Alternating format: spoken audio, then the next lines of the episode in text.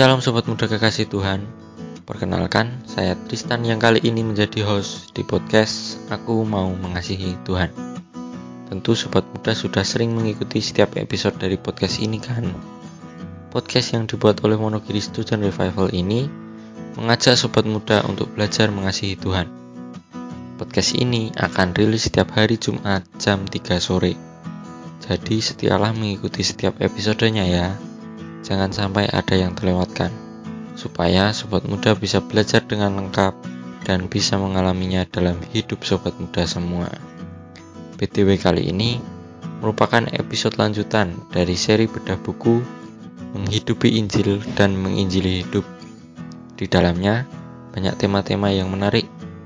Karena itu, stay tune terus ya.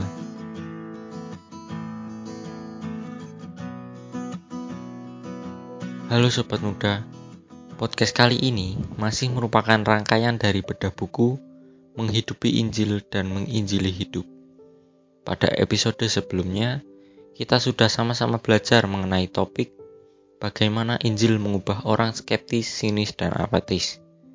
Pada kesempatan kali ini, kita akan belajar topik apakah Injil real bagi Anda yang merupakan salah satu isi bab dari buku ini.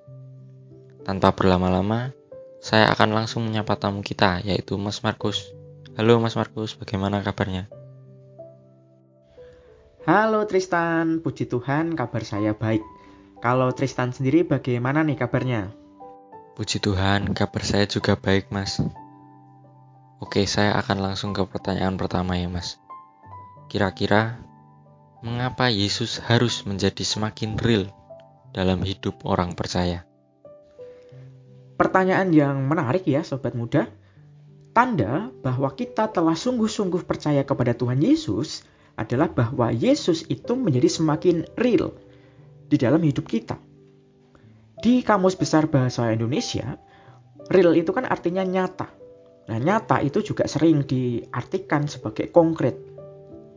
Nah, mengutip bagian dari buku ini, tepatnya pada halaman yang ke-98, Yesus tidak hanya sebuah kebenaran ilahi yang abstrak, namun seorang pribadi yang secara konkret memengaruhi hidup Anda secara radikal.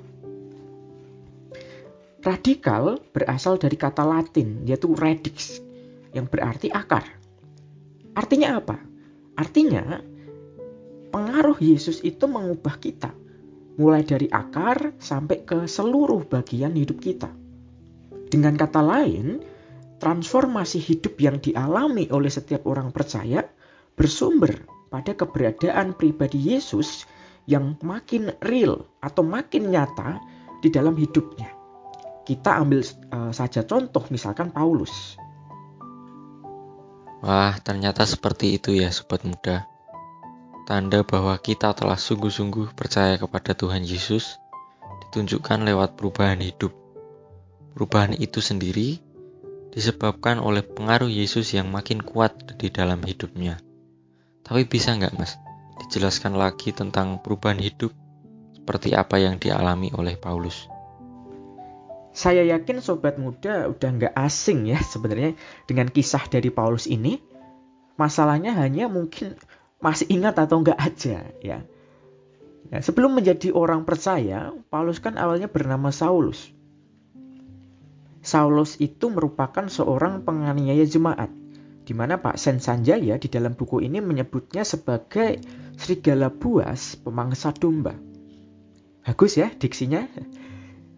Saya akan bacakan di dalam kisah para rasul ayat sorry pasal yang ke-9 ayat 1 dan 2. Kisah para rasul 9 ayat 1 dan 2.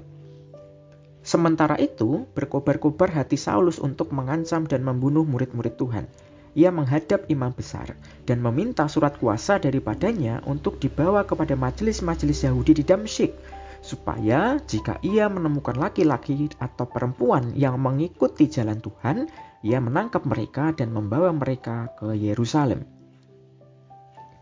Jadi itulah kisah uh, awal dari Saulus ini. Namun, karena perjumpaannya dengan Tuhan Yesus, Saulus pun berubah menjadi gembala sejati penggembala domba. Ia tidak lagi si Saulus yang meneror murid-murid Yesus, melainkan telah bertransformasi menjadi Paulus, seorang pemimpin yang berhati gembala. Kita akan lihat lagi dalam kisah para rasul, pasal 20 ayat 28 dan 32. Ayat 28. Karena itu, jagalah dirimu dan jagalah seluruh kawanan, karena kamulah yang ditetapkan roh kudus menjadi penilik untuk mengembalakan jemaat Allah yang diperolehnya dengan darah anaknya sendiri. Lompat ke ayat 32. Dan sekarang aku menyerahkan kamu kepada Tuhan dan kepada firman kasih karunia-Nya yang berkuasa membangun kamu dan menganugerahkan kepada kamu bagian yang ditentukan bagi semua orang yang telah dikuduskannya. Demikianlah firman Tuhan.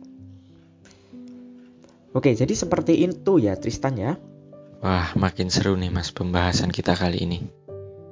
Lantas bagaimana cara kita mengecek atau memastikan Apakah Yesus itu telah menjadi semakin real dalam hidup kita? Pernah nggak Tristan dan sobat muda itu merasa khawatir? Saya jamin pasti pernah mengalaminya. Akan tetapi, bagaimana kalau sering khawatir? Ingat ya, khawatir dan sering khawatir itu berbeda, nggak sama. Kalau kita masih sering khawatir soal hidup, itu artinya ketidakmenentuan hidup lebih real ketimbang apa yang Yesus telah lakukan, sedang dan akan terus lakukan bagi kita. Bagi Tristan, sobat muda, dan saya tentunya. Dengan kata lain, kita tidak sepenuhnya percaya bahwa Allah yang telah memulai pekerjaan yang baik dalam diri kita akan meneruskannya sampai pada akhirnya, yaitu pada hari Kristus Yesus. Nah, kita bisa baca di dalam Filipi 1 ayat yang ke-6. Lalu, apakah kita masih sering kecewa dan putus asa? Tersinggung dan marah? Kalau kita masih sering, berarti apa yang orang katakan tentang sobat muda dan saya itu lebih real daripada apa yang Yesus katakan kepada kita dan tentang kita opini orang lain akan terus mengganggu sampai kita berkata, "Kalau Yesus sudah mati bagiku saat aku masih tidak peduli dengan Dia, saya tidak perlu peduli lagi opini dan pendapat orang lain terhadap saya." Jadi, tanda bahwa Yesus telah menjadi semakin real dalam hidup kita adalah ia pasti menjadi fokus dalam setiap masalah atau tantangan hidup yang harus kita hadapi dan lewati. Begitu ya, Mas. Lalu kira-kira ada penutup untuk sesi diskusi kita kali ini nggak ya, Mas? Tepat sekali ya, Tristan. Bila fakta Kristus yang dihina dan difitnah hingga digantung di atas salib yang hina itu menjadi sesuatu yang sangat nyata atau real bagi sobat muda dan saya, maka kita pun pasti akan dimampukan untuk menghadapi segala jenis hinaan dan fitnahan yang dituduhkan kepada kita. Terlebih lagi, kita akan dimampukan untuk memberi pengampunan kepada para pelakunya. Kita tidak lagi akan dikuasai oleh kepahitan dan dendam. Jadi, selamat untuk mengalami pribadi Yesus secara nyata dari waktu ke waktu, dari hari ke hari. Seperti itu ya, sobat muda. Mari kita terus mengalami Yesus secara real, sehingga kita menjadi pribadi yang terus bertumbuh dan diubahkan dari waktu ke waktu. Terima kasih untuk kebersamaan dan penjelasannya, Mas Markus. Tuhan Yesus memberkati Mas Markus. Terima kasih kembali, Tristan. Tuhan memberkati Tristan dan juga sobat muda semuanya ya.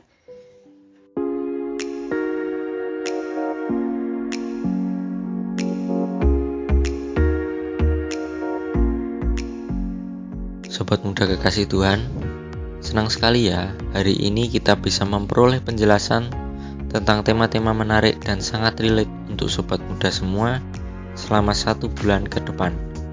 Sobat muda, jangan sampai terlewatkan untuk mendengarkan bincang-bincang teman weekend minggu depan ya. Pasti seru untuk diikuti dan kita butuhkan banget. Jadi, pasang alarm kalian setiap Jumat jam 3 sore Kepoin terus IG kami di @wstudentrevival dan kita bisa belajar bersama tiap minggunya.